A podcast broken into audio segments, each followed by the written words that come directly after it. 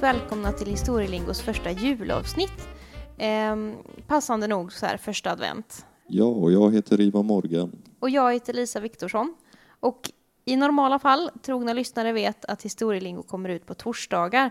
Men i och med att vi har nu fyra adventssöndagar så kommer vi bjuda på fyra bonusavsnitt där vi då har valt eh, ut olika julteman, ett tema per avsnitt.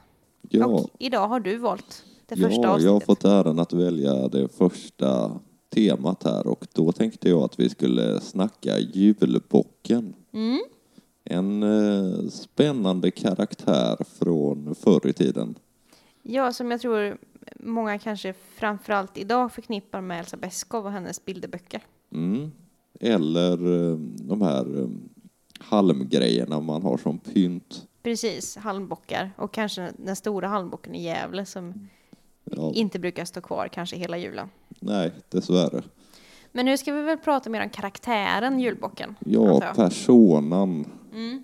Och eh, jag tänker vi kan börja i 1700-talet, för det är då som julbocken eller julbockar på riktigt börjar dyka upp i källmaterialet. Och det är i samband med någonting som kallas julupptåg. Och eh, ett julupptåg handlar helt enkelt om att man går runt utklädd.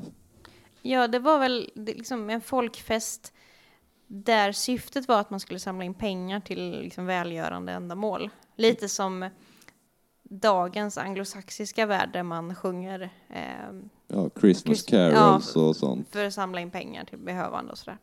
Ja, och det gjorde man då helt enkelt som jag sa, utklädd. Man var diverse figurer ifrån ja, berättelsen om Jesus födelse. Så att det var några som var vise män och sen så någon som var Josef. Och eh, mitt i allt det här så fanns julbocken då. För det var väl en get med kan man anta där i stallet. Ja, ehm, och ja det, är, det är väl rimligt. Get var ju också ett av de första djuren som människan lät domesticera Ja, det stämmer. I eh, samband med den neolitiska revolutionen. Och eh, bocken hade en lite specifik eh, funktion i de här julupptågen. För bocken var liksom det komiska elementet i det här.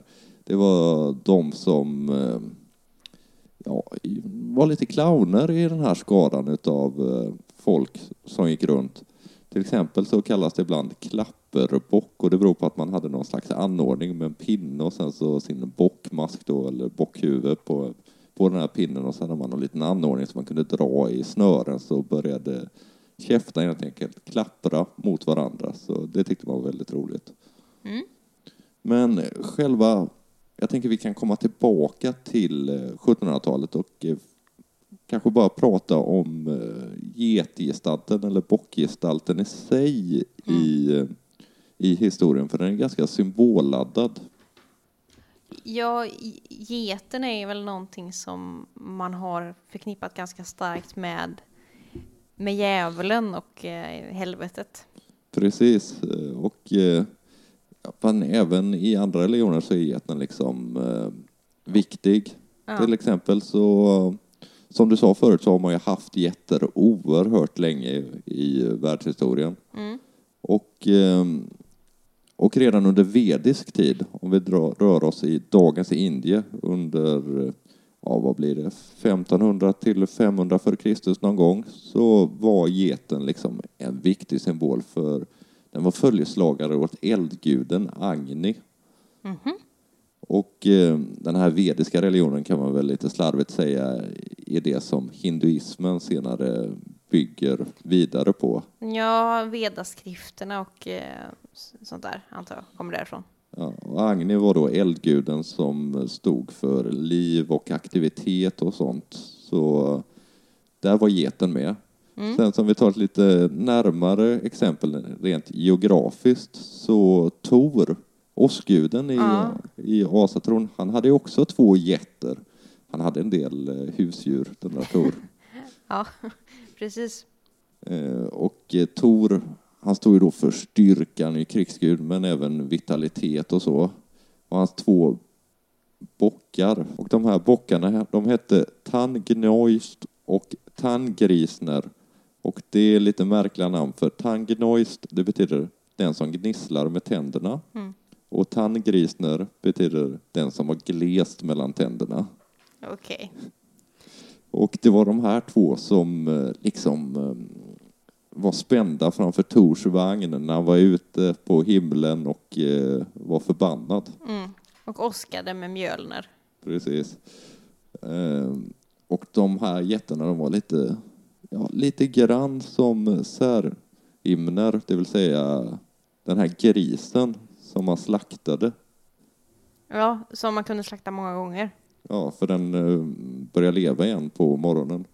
Eh, det kunde man göra med de här jättarna också. Eh, och det, det, det blev inga problem liksom, för de vaknade upp på morgonen igen. Fram till en dag då det var en alv som hette Chalve som när han käkade de här getterna så bröt han ena benet för att komma åt märgen. Såklart var han lurad av Loke som det alltid är i de här sagorna. Och då blev ena geten halv, halt. Ehm, Men nog om det. Getter har ju funnits i många religioner. Om vi kollar på satyrerna så är det ju de liksom hälften get, hälften människa. Eh, Pan, klassisk halvget kan man säga. Mm, absolut. Eh, Men även, Eh, även eh, Dionysos och Bacchus eh, porträtteras på det här sättet ibland. Och då kom vi in på det här med kristendom. För att när man gick över till kristendom så tog man lite så här grejer man inte tyckte var bra och applicerade det på djävulen istället. Så han blev någon slags halvget. Han hade bockskägg och horn på huvudet och ja, helt enkelt klövar. Så att eh, man gav honom liksom getdrag, för geten hade varit en liksom symbol för fruktsamhet och så. Och då, det gillar man ju inte i kristendomen med lust och så, så att då blev eh, geten en symbol för djävulen. Även i svensk folktro så hade man något som kallades skördebock faktiskt, länge. Och det var en halmbock som man tog från den sista kärven halm när man hade skördat för att få bra skörd nästa år. Eh, Så att geten, eller bocken, är, är liksom en eh, central följeslagare när det gäller symbolik i mä- mänsklighetens historia. Mm. Men åter till eh, julbocken, för nu har jag, jag vet inte, snurrat iväg mig lite. Ja, han var inte alltid en helt snäll figur. Det var någonting lite obehagligt med honom ja i eh, Elsa Beskows sagor så har jag för mig att barnen i sagan blir ganska rädda för, för julbocken och att andemeningen någonstans är att man ska vara lite aktsam, att man ska passa sig för, för julbocken. Mm, det, så är det ju. Och eh, man han kunde antingen vara liksom bjällerklang eller skräckfilm när han kom.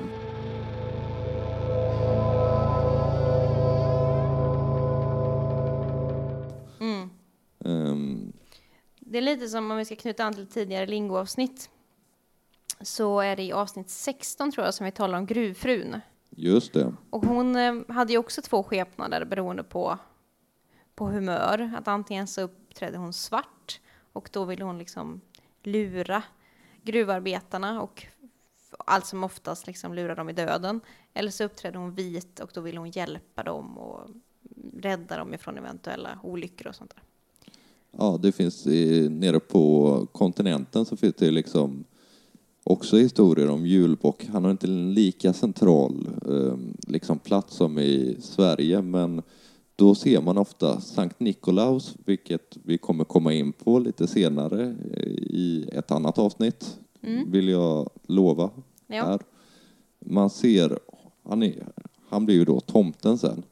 Han har en get eh, i släptåg och Sankt Nikolaus är ju den som ger alla snälla barn paket. Mm. Men han har med sig geten också för att någon måste ju bestraffa de eh, olydiga barnen. ja, precis. Så att eh, han, han är liksom dubbel. Och eh, om vi återvänder till 1700-talet där vi börjar så finns det faktiskt en förordning från Stockholm från 1721 som låter så här. Den som understår sig att hädanefter löpa omkring gator och gränder med den så kallade julbocken, stjärnan och andra fåfängligheter. Den ska genast fasttagas och med behörig näpst bliva ansedd. Från myndigheter gillar man inte det här superiet som de här um, julupptågen hade tagit. Så att man börjar kämpa emot bocken och eh, den här formen av tiggeri som det egentligen var. Ja. Vilket jag tycker är ganska intressant faktiskt. Men bocken får liksom, eller julbocken, under andra hälften av 1800-talet så får han en ny funktion i Sverige. Mm. Och det är det här vi kommer in på, på Elsa Beskow och Alice Tegnér och sånt. Det är då han blir den här snälle, snälle bocken som kommer med julklappar. Som en föregångare då till Jenny Nyströms senare svenska tomteversion då. Ja, och man skulle säga att det här är en ganska borgerlig företeelse också. Mm. Att det var i borgarhemmen som bocken liksom gjorde debut. Ja, jo absolut. Eh, Det finns till exempel en nedteckning från eh, någon herrgård från 1870-talet som berättar om hur bocken kommer på julen och knackar på och eh, då den här herrgårdsherren av, eh, frågar väl lite spelat eh, av vem är du och var kommer du ifrån och hur gammal är du? Och då ska bocken ha svarat att han är 700 år gammal han, och han kommer från en plats långt, långt borta. Och sen eh, sätter sig bocken ner, delar ut julklappar, får en ostmacka och eh, en sup och sen ger han sig av igen för han har många ställen att besöka. Mm. Och det säger någonting om att bocken blir liksom den snälle farbrorn helt plötsligt. Ehm, och det är väl här någonstans som minnet av julbocken idag består. Och det är framförallt, eh, kanske som jag nämnde, Alice Tegnér och eh, Elsa Beskow som har eh, liksom fört vidare det här genom sina sånger och sagor. Ja, precis. Jag tror även att Jenny Nyström har Ja, det, målat julbocken vid, vid några tillfällen också. Inte bara tomtar. och för lyssnare som inte vet vem Jenny Nyström är så är det hon som har målat de här alla klassiska tomtarna. Ja, den så kallade liksom svenska tomten som eh, ju skiljer sig lite från den här kanske mer amerikanska. Coca-Cola-tomten. Ja, precis. Den här lite mer svenska folk, eh, folkloristiska tomten är ju Jenny Nyström som står bakom. Mm.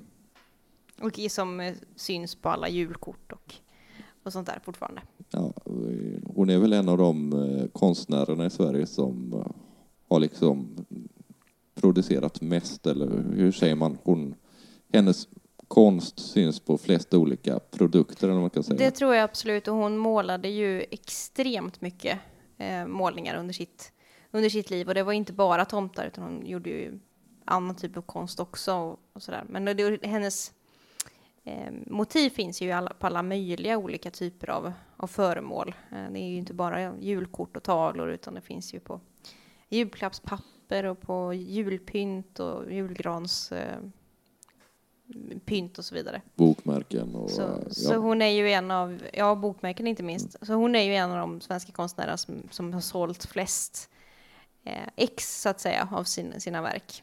Tillsammans kanske med Solstickans eh, Just konstnär Einar Neumann. Så. Det, just det. Ja, det var ett sidospår. Ja, om vi återvänder till Alice Tegnér så har hon skrivit en sång 1913 som heter En jul när mor var liten. Mhm. Och i den kan man höra strofen. En jul när mor var liten hörde hon hur någon en kväll stod där ute och stampa och gav dörren en smäll. In där klev en julebock, skäggig och med luden rock. Han tog ur sin påse små paketer upp. Mm.